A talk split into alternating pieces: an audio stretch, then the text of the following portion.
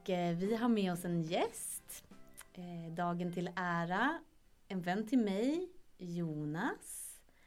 Pappa till två. Eh, välkommen Jonas! Tack så mycket! Jätteroligt att du vill gästa våran podd.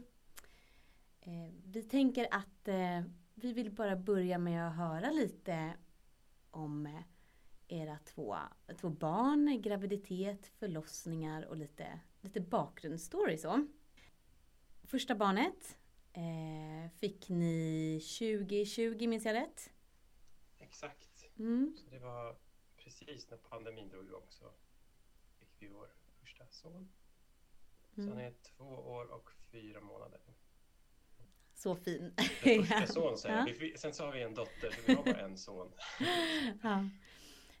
Hur em, förberedde ni er under, eh, under graviditet? Jag tänker på dels förlossning men också kanske, ni pratade om amning någonting. Minns du? Mm.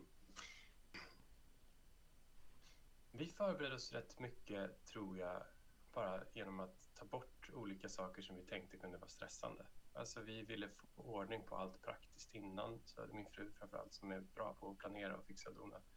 Eh, så ja, men inhandling av barnvagn och eh, flaskor och alla sådana saker. Eh, städade massor och lagade mat så att vi hade det fixat. Och typ ordning på förråd och grejer. Så att allt som skulle kunna vara krävande. Och vi förberedde oss på att det kommer bli tufft, det kommer bli ansträngande och vi vet inte vad vi har att vänta. Men vi inställer på att det kommer bli tuffare än vad vi tror. Um, så det var väl en, en sån förberedelse. Och när det gäller just amning så vet jag att det var mer utifrån ja, med vänner och som hade pratat om amningshets, typ att det finns för mycket press kring att man ska amma och det är så mycket frågor kring det här, det är jobbigt och det är ansträngande. Så det hade jag hört eh, från vissa. Så att det var väl den delen, men annars var inte jag så tänkte inte så mycket på amning att det var så här, "Är häftigt att det kommer bli så. Jag vet att ja, min fru Johanna funderade på men hur känns det, hur kommer det fungera och så här, kommer det kunna funka, alltså, kan jag det här? Alltså mer det här att det är en ny sak som händer med kroppen. Ehm, men, eh, ja, men så att mest så här, dra ner på saker som kunde stressa och belasta, förbereda sig på att det skulle bli tufft. Eh, och sen kopplat till amning så var det väl mer bara att ja, men vi ville få till amning och kände till fördelarna kring det och önskade att vi kunde amma men också så ödmjuka inför det faktum att vi inte riktigt vet hur saker och ting blir. Så, Mm. eh, det var väl någon sån förberedelse. Förstår. Em, hur... vet du om Johanna, läste hon om... Läste hon någonting om amning innan? eh, litteratur eller alltså din fakta? Nej, som alltså- du kommer ihåg? Inte specifikt kring amning, men hon läste, och det är väl så det är också, att det är mycket kring förlossning. Så hon läste kring förlossning men också den tidiga tiden, den första tiden som förälder. Eh, och hur man kan förhålla sig eh, utifrån ett närvarande perspektiv, utifrån ett liksom, men fokus på egen hälsa, barnets hälsa, välbefinnande, hur man kan liksom, ta hand om sig själv i det. Så att, jag tror att det var mer så. Eh, möjligen att hon läste någonting kopplat till amning, men det är ingenting som jag vet egentligen. Mm. Det måste ha varit en del. Vi gick ju också på någon sån här amning, men det gjorde vi. Vi gick på någon sån här amningsföreläsning, kommer jag ihåg. Eh, precis, det var jag också på. Och det gjorde ni tillsammans då som, som Det par, liksom blivande föräldrar? Mm. Mm. Ja. Fint. Em, förlossningen, hur var den? Hur upplevde ni den? Eh, och nu pratar vi första graviditeten fortfarande mm. här. Eh, nej men, jag tyckte det var väldigt, och nu blir det så intressant. Det som jag tycker är kul med det här, att jag får prata om de här frågorna som mer egentligen är, känner jag, min, min frus frågor. Men det är väl det som är så intressant, hur, hur jag som partner ser på det här och tänker Precis. det. Men, Det är jag därför tänkte. du är med idag Jonas. Få det andra perspektivet. men, ja, ehm, det, det gick bra. Det gick väldigt fort. Vi var inställda på att det kunde bli krävande. Ja, som sagt, det, vi ville, eller Johanna ja, och vi ville följa en naturlig process. Vi ville eh, ja, men till så långt det går bara följa kroppen och det som händer och ta bort det liksom, medicinska och alltså, med, medicinska menar jag att det här är något som kirurgiskt måste hanteras eller liksom som något, att det här är något eh, avvikande eller sjukligt som det kan bli om man är i en sjukhusmiljö så blir det ofta de kopplingarna. Men att mer att det här är en process i livet som andra saker. Eh, men som har stora risker och, då ville vi ha det stöd som man kan få från sjukvården men vi ville fortfarande liksom, ja, men, inte ha så mycket extra eh, grejer liksom, runt omkring. Och Johanna var, ville inte gärna ha såna olika ljud där man hörde hjärtljud och ville inte ha massa medicinska termer utan ville liksom få det lugnt och ha, ha kontakt och liksom mm. Mm. Jag vet inte om jag uttrycker mig väl, men, men det är mm. det som vi önskade. Mm. Eh, och jag tycker att det blev så också. Det var liksom att vi skrev något sånt här lite förlossningsbrev som vi sa, så här vill vi ha det och så lämnade vi över det. Men sen så kom praktiken i hur det faktiskt blev och då gick det väldigt fort. Så vattnet gick någon gång ja, vid halv tolv-tiden och sen så var han, vår son, kommer väl typ vid fem eller sånt där. Så det var jättefort allting och eh, när vi var inne på förlossningen så var i princip redo för förlossning direkt. Eh, så att, och själva förlossningen gick också väldigt snabbt. Mm. Så att, och Johanna födde utan, ja, det var hans liksom inte med heller, det var liksom ingen, det var bara köra på. Mm. Eh, och det var, vi hade gått någon sån profylaktisk kurs innan så att eh, vi skulle stötta henne i att bara kunna andas, komma ner i kroppen, hitta ja, lugn och trygghet i det. Så att jag hade någon sån här grej som funkade, att jag hade handen på hennes panna och sen så liksom skulle jag eh, köra, mm. jag skulle köra liksom få ner henne. Sen så var det några olika ord som jag kommer ihåg att hon ville att jag skulle säga för att stötta mig. Mm. Men så minns jag att jag, det var något ord som jag, liksom, som jag kan skämmas över. Det var någon så här, hon ville komma i kontakt med, med systerskap liksom, gemenskap utifrån det. Som kvinna så var någon gång när hon hade ont och så liksom viskade jag så här, systerskap. Och hon var så här bara, det funkar inte. Och tyst med den här grejen. så, det kan jag verkligen förstå. Eh, så den, den gick inte hem. Men annars var det mer så här, hjälpa henne. Och, och det var det som jag kände mig mest trygg i också. Liksom. Mm.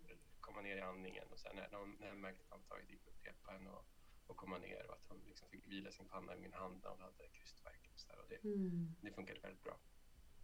Man har ju ett alltså, jättebetydelse som partner, som stöd. Dels under förlossningen så här, alltså mega, mega stöd. Men likväl såklart sen under amningen. Mm. På ett sätt som jag upplever att, eh, att partners kanske har svårt att förstå att man är så viktig. Mm. Mm. Precis, det är väl det vi vill lägga vikt på nu.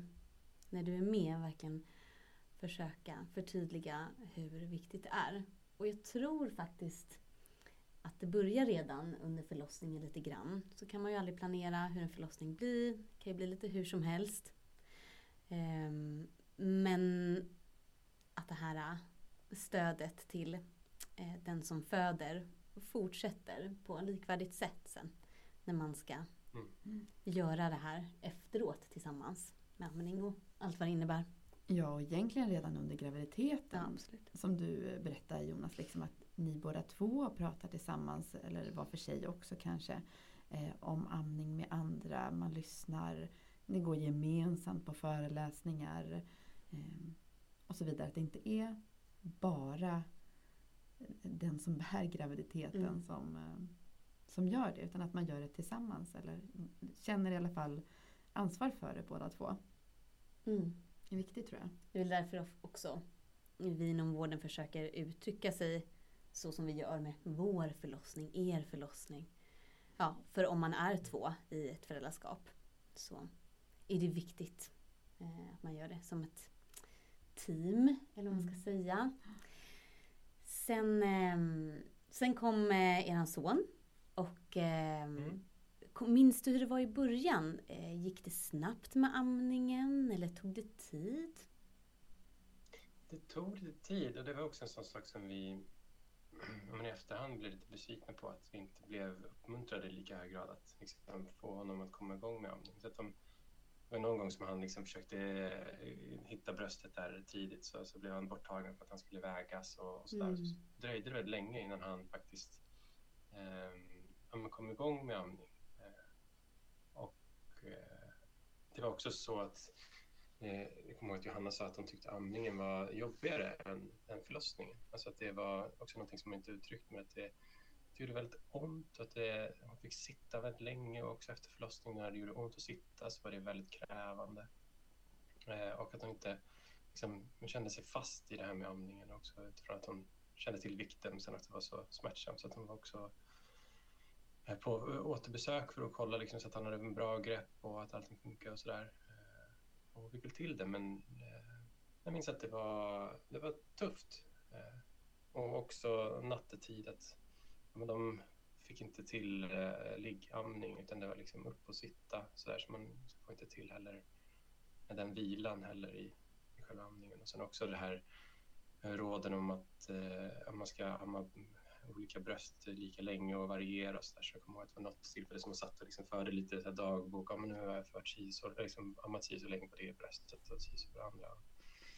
Det är också någonting som jag vet att hon sa efterhand att när jag gjorde det där så tappade jag lite också den här naturliga kontakten som jag önskade och lita till kroppen, lita till barnet och liksom, eh, så att man kommer in i råd och men, någon form av intellektuell del av det hela och de tappar då kroppen och kroppens liksom, visdom om man ska säga. Mm. Jag tror att det var något sånt som, som hände.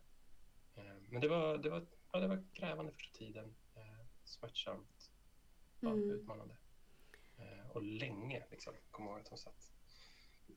Mm. Så att jag servade, liksom, apropå det mm. teamet, så, så här, ja, men jag, hade, jag kommer ihåg att jag sprang runt och gjorde smoothies och mat och mackor och Johanna hade gjort några bars och grejer innan som hon fick. Ja, det var liksom, sköta eh, markservice. Liksom. Mm. Eh, såg jag det som. Precis, och det är ju det är inte att förkasta. Det är ju så himla viktigt. Mm. För om det är tufft i början så är det det man behöver alltså fokusera på till 100% egentligen. Att sköta sin egen eh, hygien, eller på att säga. Sköta sig själv och, och amma. Liksom. Mm. Precis. Och också så himla viktigt eh, att få i sig. Mm. Och att det är lätt att man prioriterar bort det när man är ja, fullt upptagen med det här med amma och man kanske redan känner sig som en eh, värdelös eller osäker förälder för att det liksom inte går som man hade tänkt sig eller Ja. Mm, verkligen. Men, och du och jag har ju pratat ganska mycket om det faktiskt de senaste dagarna Rebecka. Att, att det är så viktigt att möta familjen vart de är. Mm. Och att kanske är vi dåliga på det i vården. Mm. Både inom slutenvården, alltså BB, eh, fortfarande kopplat till BB och eh, BVC också. Skulle jag säga. Eh, hur tycker ni att stödet var när ni var på BB? Minns du det? Det känns som att jag liksom kopplar ihop lite här med andra, andra mm. graviditeter, andra förlossningar mm. också. Um, det är okej att mm. hoppa lite däremellan. Absolut. Ja, jag får, jag får, mm. Så det blir något allmänt intryck. Ja, men det, ah. det, som jag tycker och det som jag tycker är intressant också med amning, som är svårt när det gäller saker som är behov av att vi är i kontakt med lugn och ro och avslappning, liksom, så här, eh, att vi inte blir stressade, eh, är kombinationen av att det är goda förutsättningar för amning och vikten utav att trycka på hur värdefullt det är med amning vilket då, om det inte funkar, så går stresssystemet igång. Mm. och då får du inte få till amning. Och samtidigt så kan vi ju inte inte berätta, så här, vi kan inte berätta hur, jag snurrar upp med mina egna inte, men, men vi behöver ju berätta vikten utav det, man mm. behöver vara informerad. Så att, apropå hur, så här, vården och vårdperspektivet så tror jag nog ändå att för vår del hade det varit värdefullt att i hög grad bli bekräftad utifrån ansträngningarna, det tuffa i det och hur ja, krav man ställer på sig själv och verkligen vara inkännande och stöttande och tryggande. Och samtidigt såklart förmedla vikten. Eh, men i det också kanske att man uttrycker att och skulle det inte gå så är det inte hela världen för det finns andra lösningar och det blir bra också. Mm. Det här är liksom steg ett. Så att man inte fastnar i det för att ja, jag tänker att man kan gå vilse lite i det och sen så sitter man där och så blir man stressad och så går det inte. Mm. Och egentligen... Och det är så här, jag tänker att det är naturligt också. Förlåt. Nej, det var jag som la mig i. Nej, men jag ville följa upp på det du sa. Att egentligen så handlar det amning inte jättemycket om precis här och nu när man precis har fött barn. Att jag sådär att vi att man lätt kan bli stressad över att det inte fungerar. Jag önskar egentligen att vi kunde liksom lyfta bort den, den bördan lite mer. Att amningen måste inte funka de första dagarna för att den ska fungera i framtiden. Och sen så är det ju, behöver vi ju då ändå liksom, eh, hur ska jag formulera mig, men vi behöver ju ändå vara medvetna om att, eh, att brösten behöver stimuleras och att barnet behöver få i sig bröstmjölken. Men den, barnet måste ju inte få i sig bröstmjölken genom direkt amning. Nej. Kanske är vi för stressiga med det också. Ja, och stressen påverkar ju såklart ja. som du säger Jonas. Um, den här förmågan att slappna av, vilket mm. är så viktigt. Mm. Mm. Ja, precis. Um, sen när det hade, när tuffaste perioden hade lagt sig, hur har amningen fungerat efter det?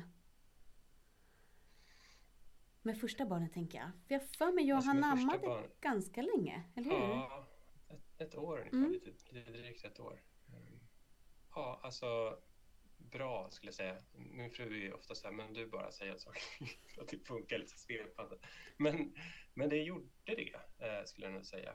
Eh, och ännu mer så nu med andra barnet. Här har det inte varit knappt några problem alls med amning, utan nu har det känts så här, ja, det har gått jättebra.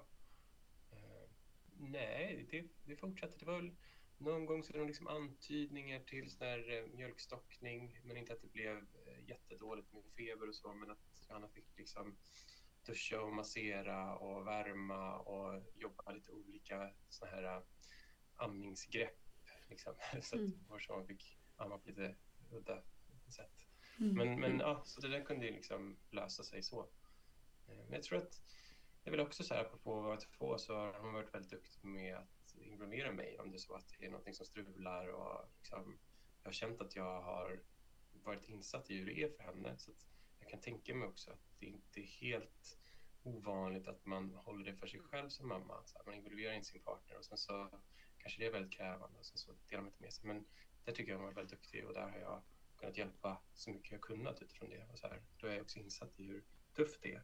Utifrån det så har jag också kunnat, tycker jag i alla fall, hyfsat bekräfta henne i det och, och det som hon gör och att jag tycker att det är bra och att det är fint och att vi jobbar på. Så försöker jag liksom stötta på det sätt som jag kunnat. Massera har ju varit en sån grej som hon fortfarande också gillar. Så att, ja, men, massera lite fötter, lite axlar, liksom, ha någon värme, köra någon fotbad, liksom, köra någon sån här eh, vetekudde, alltså alla saker som liksom kan få en att sån här, ja, komma ner i varv lite, känna mm. lite värme, känna sig lite omhändertagen. Det har jag eh, jobbat för. Men på frågan hur gick det sen så, ja men det gick eh, rätt bra sen när det väl hade kommit igenom det här värsta med att det gjorde så himla ont och tog tid så, så, så, fick vi stöd och kapade ner också de här andningstiderna. Och sen blev det lite mer flyt och liksom, eh, ja, mm. bättre. Liksom. Mm. Mm. Skönt. Fint eh, tycker jag att höra när du berättar om eh, att du själv ändå upplever att du har varit engagerad och kunnat stötta i den, i den mån man ju kan. För det är nog inte alla som, som partner eller stödperson eller man vill säga som som uppfattar det eller som känner så att, eh, att det kanske varit svårt att vara den som står bredvid eh, den som eh, ska amma till exempel. Mm. Det upplever vi, vi i alla fall på jobbet att det kan vara tufft. Ja, och vi på jobbet ser ju såklart bara en så liten del och där pratar vi, försöker vi prata en del om att det är viktigt att man stöttar upp och så vidare. Och det är såklart att det kanske är absolut viktigast i eh, de här första dagarna när man ska starta igång amningen. Men jag tycker också Jonas att du beskriver rätt fint liksom att man behöver faktiskt vara där och stötta och bekräfta, och uppmuntra hela amningen. Att man har en betydelse hela amningsperioden. Det vet jag att jag verkligen har tyckt att min man har haft för mig. Liksom. Att jag, jag haft en inställning om amning och eh, velat, ja men vi har haft en amningsplan. Och sen så när jag har så här, ja men till exempel så, åh oh, gud, fan det här med nätter, ska vi sluta nattamma eller är, det, är vi där nu? Så bara, nej men jag vill ju egentligen inte göra det och då har det varit så skönt att han har ja, men dels bekräftat att så här, ja, men jag hör vad du säger och jag hör att du har det tufft och så här, hur kan jag göra för att underlätta? Och att vi tillsammans då har mm. liksom kunnat komma på en plan att så här, nej men vi kan ju faktiskt fortsätta med nappamningen för det är ju ändå det som vi ville och vi mår faktiskt bra av det. Det var ju den här delen som vi beskrev som jobbig. Mm. Eh, och, eh, och då delat på den. Precis. Ska vi gå över till eh, eh när er dotter föddes i, i våras? Prata mm. lite om det. Det kom ju igång lite, lite, lite tidigare än vad ni väntade er. Eller hur? Mm. Ja. Berätta lite, vad, vad hände? Hon kom då... Hon föddes precis tre veckor före beräknat. Så medicinskt räknades det precis då på dagen som fullgång graviditet. Eh, men det var dagen innan som vattnet gick, tror vi. Eh, vi var tvungna att åka in och kolla, men då bedömde man att det var som fyspunka och att huvudet sen hade liksom lagt sig och täppt igen det här hålet så att det inte kom mer vatten. Och så skulle man också starta igång, jag fick mig starta igång, vad är det 48 timmar efter vattnet har gått som man ska mm, starta igång? Ja. Så då äh, väntade de över natten, för det var liksom, då var det prematurt, men sen så äh, hade det gått en natt och då räknas det då liksom medicin som nu är det fullgånget och då kan vi då hjälpa till och, och göra hål på resten av hinnan här. Eh, så liksom ja, hjälpa graviditet, liksom förlossningen komma igång. Så då gjorde de det och eh, eh då var det mycket mer kontrollerade former. Alltså, vi var förberedda på att det här kommer gå jäkligt fort. Eh, första graviditeten gick, eller förlossningen gick snabbt. Vi tror att det kommer gå ännu snabbare.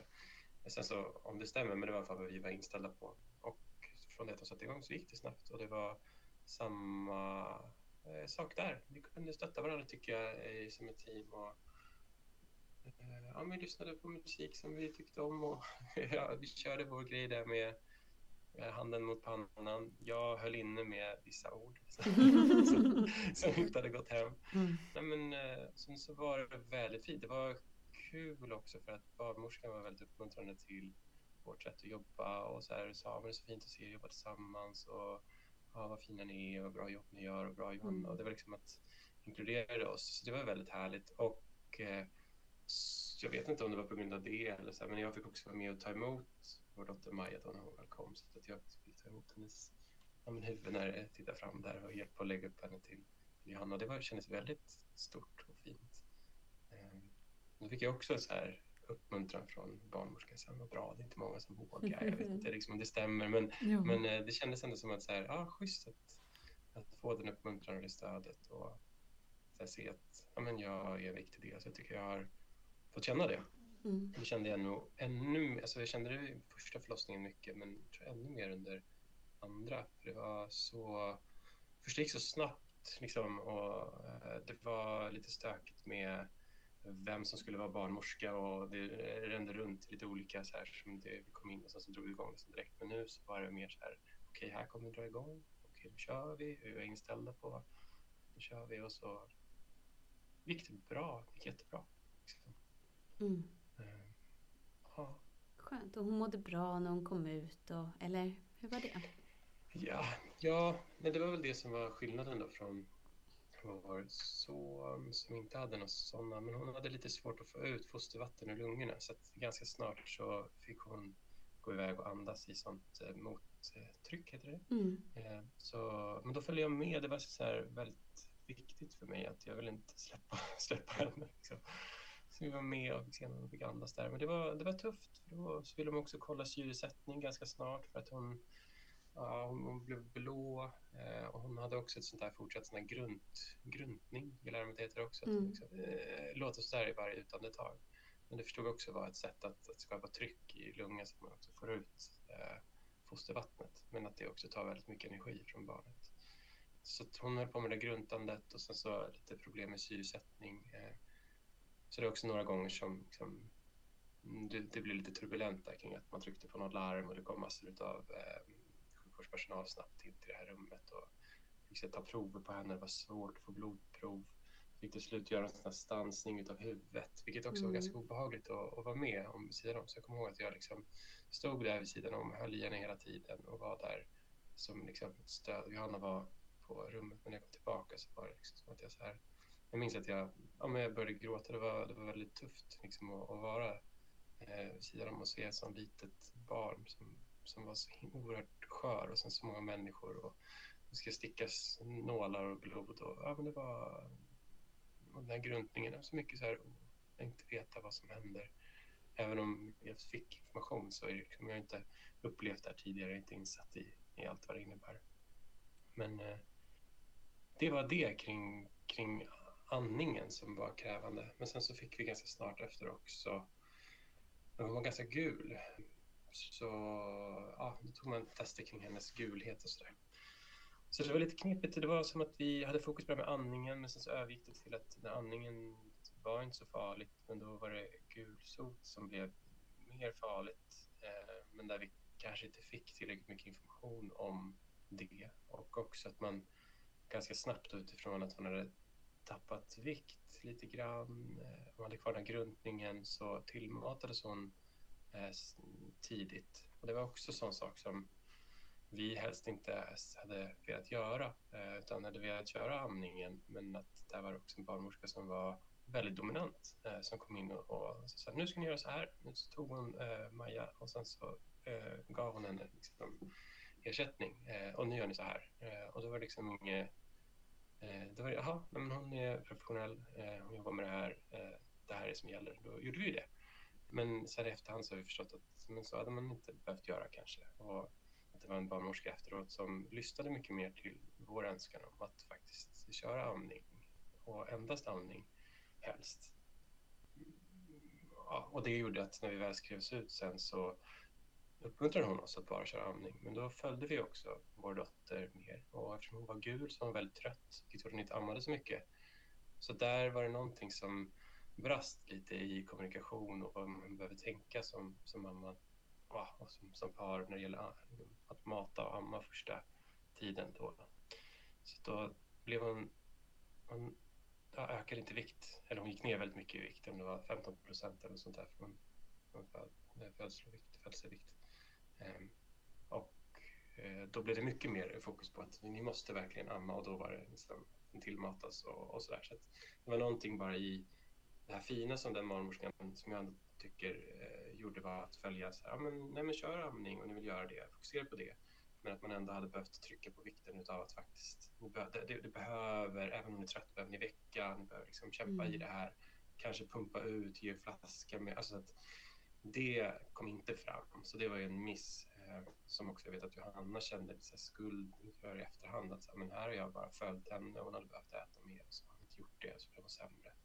Eh, så det var väl också en så här kommunikationsgrej. Men jag tror också det är en del av de olika perspektiven som finns, tror jag. Jag är inte så insatt i det här, men de olika perspektiven kring sjukvård och att när tillmatningen är mer, jag förstår, liksom, nej, jag kan inte, men någon form av mm. medicinskt eh, perspektiv då trygga upp, men att det kanske inte alltid är nödvändigt. Ehm, så ja, det var så det blev där. Då hade vi väldigt mycket fokus på gulsoten och få ner den och eh, matningsschemat och verkligen pressa i en mat sätt som inte kändes behagligt alls mm. eh, och var väldigt tufft för att vi inte kunde sova och skulle få mat och hela den här matningsproceduren tog lång tid. Jag kommer inte ihåg om det tog en och en halv timme att få i henne den maten hon skulle äta och sen skulle hon äta en och en halv timme senare mm. igen. Så. Mm. Det var väldigt eh, krävande och sen lite olika bemötande kring det här och det var väl också det att nu har jag så mycket att säga om det här. Mm, det går bra. Jättebra. men, mm. men, men eh, också där vikten av bemötandet från sjukvården. Där vi faktiskt, jag, jag, blev, jag blev väldigt irriterad på ett bemötande som jag hade som eh, just utifrån det här med vikten av att mata. Så sa jag så här, du, jag behöver bara avbryta här. Det som jag hör från dig är att det här är allvarligt och att vi behöver vara väldigt stressade över det här. Eh, är det det du vill förmedla, att vi ska vara stressade föräldrar utifrån vikten i det här? Det jag vill säga, svarar hon då, är att om det blir värre får ni söka akut. Eh, och, och då kände jag så här, men herregud, här är en människa som visst trycker på vikten av det här, men inte alls kan bekräfta oss utifrån den situation som vi befinner oss i. Där det är väldigt stressande. Det är svårt att sova, vi kan inte sova för vi ska hålla på och mata hela tiden. Det känns inget bra. Så att verkligen så här bekräfta en som förälder utifrån det tuffa man går igenom, alltså vad det kan leda till, att i många fall så lugnar det sig, det är viktigt att ni tar hand om varandra. Alltså att, mm. Som vi fick senare, när vi, så här, vi sa att vi vill inte träffa den här barnmorskan igen, jag tycker att det var ett väldigt dåligt bemötande och så fick vi träffa senare en annan sjuksköterska som man såg att ja, sjuksköterska var hon nog. Eh, mm. Som var så, så mycket bättre som jag sa till henne, att du skulle kunna spela in någon form av bemötande instruktionsvideos för att det, jag känner mig så sedd och bekräftad. Och mm. också det här, apropå att, eh, som ni nu lyfter i partnerperspektivet, att det var flera gånger, och framförallt med den, den som vi tyckte att det var taskigt bemötande, så eh, bara början av mötet så kallar, först så säger hon då Johannas namn, eh, inte mitt, och när jag följer efter så är dörren stängd. Så att min fru säger, men hallå, min partner ska in också. Eh, och då fick jag komma in och sen så sitter jag på ett sätt så att jag liksom det är tydligt i samtalet att jag inte är en viktig del, för hon sitter vän mot Johanna och jag sitter vid sidan om. Och det där eh, är också sådana signaler som spelar jättestor roll. Ehm, som den här andra sjuksköterskan då som jag sa kunde ha en instruktionsfilm. Hon var ju verkligen så här eh, Jonas, eller nu sa hon inte mitt namn, men Johanna, och det är du som är part, eller hon sa efternamn, jag vet inte, men det var verkligen så här, ni är välkomna båda två och sitt ner, och jag känner mig jätteinkluderad. Eh, så jag tror att det där att väldigt viktigt signalvärde också. Eh, och får man det bemötandet som partner så, så apropå de här sakerna som ni nämnde med att vara involverad så kanske man också tappar känslan av att jag spelar roll, utan det är ju min, min alltså mamman här som spelar roll. Eh, och då kanske man missar alla de här sakerna som är viktiga mm. i form av stöd och att vara ett team. Så att, mm, mm där, eh, det tyckte jag var, det var tråkigt, men det blev mm. bättre. Mm. Ja, det är ju verkligen någonting som vi pratar jättemycket om och det vet vi också. Vi hör från patienter där vi jobbar och ja, säkert från andra arbetsplatser också patienter får höra olika från personal. Eh, olika råd, olika bemötande. Det går ju inte att komma ifrån, vi är olika personer. Men det är också du och jag pratat jättemycket om senaste tiden. Det är det här att försöka se vart, vart personerna är någonstans. Möta dem där de är och verkligen känna in eh, hur fungerar det, vad fungerar bra, vad fungerar inte bra utgå ifrån det. Eh, inte bara, för vi, vi, vet mycket, vi har mycket kunskap men inte bara pracka på. Exakt. Och jag tänker, alltså det är så här, gulhet är också så svårt för att barn som eh, blir gula blir tröttare. Mm. Ammar i mindre utsträckning av den anledningen. Men behöver få i sig mera mat så att de kan liksom bli av med den här gulheten, att det är en del av behandling. Och I det här fallet så hade man ju helt enkelt kunnat informera er om den, den, de kopplingarna. Eh, man hade verkligen kunnat liksom säga, men vad är planen? Uppenbart så låter det ju ändå som att man behövde ge barnet extra mat. Jag tänker så här på i början. Att det fanns medicinska anledningar till det. Men extra mat kan ju likväl komma, alltså, eller mm. likväl, ju bästa om mm. det kommer från brösten. Mm. Om det är råmjölken som är den extra maten. Och har man dessutom dels en mamma och en partner också som är motiverade till det här. Jättebra! Mm. Tänk om vi då slipper ge formula. Ja, det är helt fantastiskt. Ja. För det är ju inte så ofta och ni som då till och med kanske hade uttryckt att våra önskemål är att bara, bara amma eller bara ge bröstmjölk jag hade ju, jag hade ju som barnmorska jublat och bara då lägger vi upp en plan här på att amma och så handstimulerar vi emellan och så mm. ditt, ditt, ditt. Precis. Mm. Och även ifall man liksom, eh, under en kortare period ändå märker att nej, men vi behöver lägga in lite formula. Det är inte fullt tillräckligt med bara bröstmjölken. Ganska snart med tät stimulering så får man ju igång produktionen mm. med bröstmjölken. Att man snabbt kan ta bort formulan mm. och bara jobba på bröstmjölken. Mm. Och då hamnar man inte heller i den här efter, eftersläpningen med bröstmjölken och eh, eh mjölkproduktionen som ni gjorde. Och, eh, för nu, om jag förstod rätt så slutade ni med tillmatningen och ni gick hem och ni var bekräftade i det och liksom rekommenderade det av en barnmorska. Då fick ni istället mm. den här stora viktnedgången eh, hos barnet. Så det var liksom så här, det var ju dumt på båda hållen. Mm. Man skulle ha fångat det här tidigt, gjort den här planen, stimulerat mycket på brösten. Eventuellt hade man behövt kanske ge formula under en kortare tid, inte säkert, men kanske. Och sen hade man bara kunnat amma. Viktnedgången hade aldrig skett.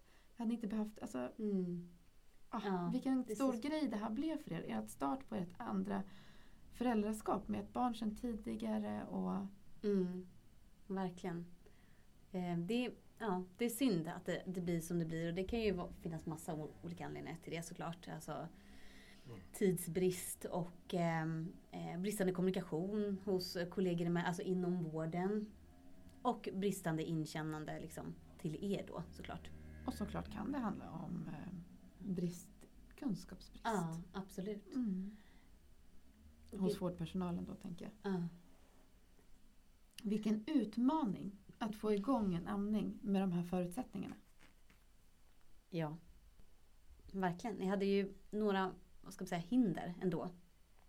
Och där tänker jag, vilken tur på ett sätt att det här inte var första barnet. För det hade mycket väl kunnat bli så att, att med de här hindren som kom, eh, och man vet att både tidig tillmatning och, och liksom eh, hon blev eh, separerad från mamma där också ett tag, eh, när hon behövde komma ut på barnbordet, att det påverkar eh, bildandet av mjölken, mjölkproduktionen. Eh, och att det förlänger då den här mogna mjölken, att den rinner till. Och det tänker jag var av, av eh, bra att ni ändå hade ammat tidigare. Att, att ni hade gått igenom det och visste lite vad det handlade om. Kanske hade lite mer kött på benen. Och kanske hade teamat ihop er lite Mm. det också. Att ni redan hade ett Mm. sätt. Men och det blir jag också så himla ledsen över att, att vi vet, vårdpersonal, att eh, stöd från partner har så otrolig betydelse för amningsstart, för fortsatt amning.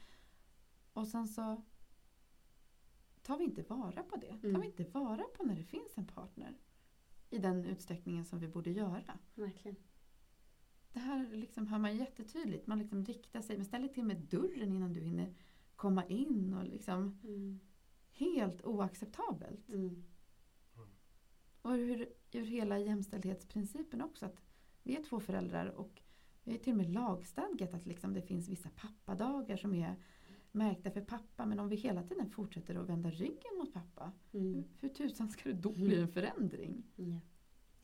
Ja, men jag tänker så här Jonas, om det är någonting som ehm, eh, du vill skicka med dig som, eh, som partner, som, eh, som pappa till, till någon som kanske lyssnar, till någon som ska få barn, till någon som är partner till någon som ska få barn. Om så här, ja, det här, det här vill jag råda er att göra eller, eller tänk på det här, det här värdefullt. Mm. Ja, vad, vad fint det känns att få den möjligheten. Jag behöver bara... jag, jag blundar till er som inte Mm. ser mig. Nej, men, alltså egentligen så här... Ja, det, blir, ja, det som jag vill säga är så här... Ja, jobba för att kunna möta det som är med värme, vänlighet och närvaro. Ehm, och det låter kanske lite så här floskligt, men, men det, är, det är det som jag verkligen tror på. Och eh, jobba för att prata med varandra, eh, se varandras behov, kunna uttrycka mina egna behov. Även om det kan kännas så här fånigt att säga att jag har behov som partner här, när allting det är så mycket kretsar kring, kring mamman. Men att våga stå upp för dem också och se att eh, jag behöver göra saker för att kunna finnas som stöd. Att vårt team ska funka. Ja, jag kan jag stanna där. Mm. Mm. Jag tror att faktiskt, om jag ska sammanfatta det så, så här, närvaro och vänlighet. Mm. Mm. Jag tror att det är kloka ord. Wow. Det känns, så här, det känns lite mäktigt att vi har fått haft en sånt här avsnitt. Ja. För det är aldrig man får sitta ner bara med en, en, en partner, en anhörig och prata Mm. om amning. Det är ju Mm. liksom första gången i mitt, inte jättelånga barnmorskeliv men verkligen. Ja. Och precis Det känns som stort för mig också. Kul. ni är viktiga. Ja, otroligt viktiga. Du, du får mm, sprida ordet till alla partners, blivande eh, stödpersoner där ute. Som du, som du känner hur viktiga ni är. Mm. Tusen, tusen tack Jonas. Det har varit eh, jätteärofyllt att ha dig här. Mm. Tack, det var roligt att vara med. Tusen tack. Ja, vi ses vi nästa gång. Ta hand om er allihopa. Ha det fint. Hej då.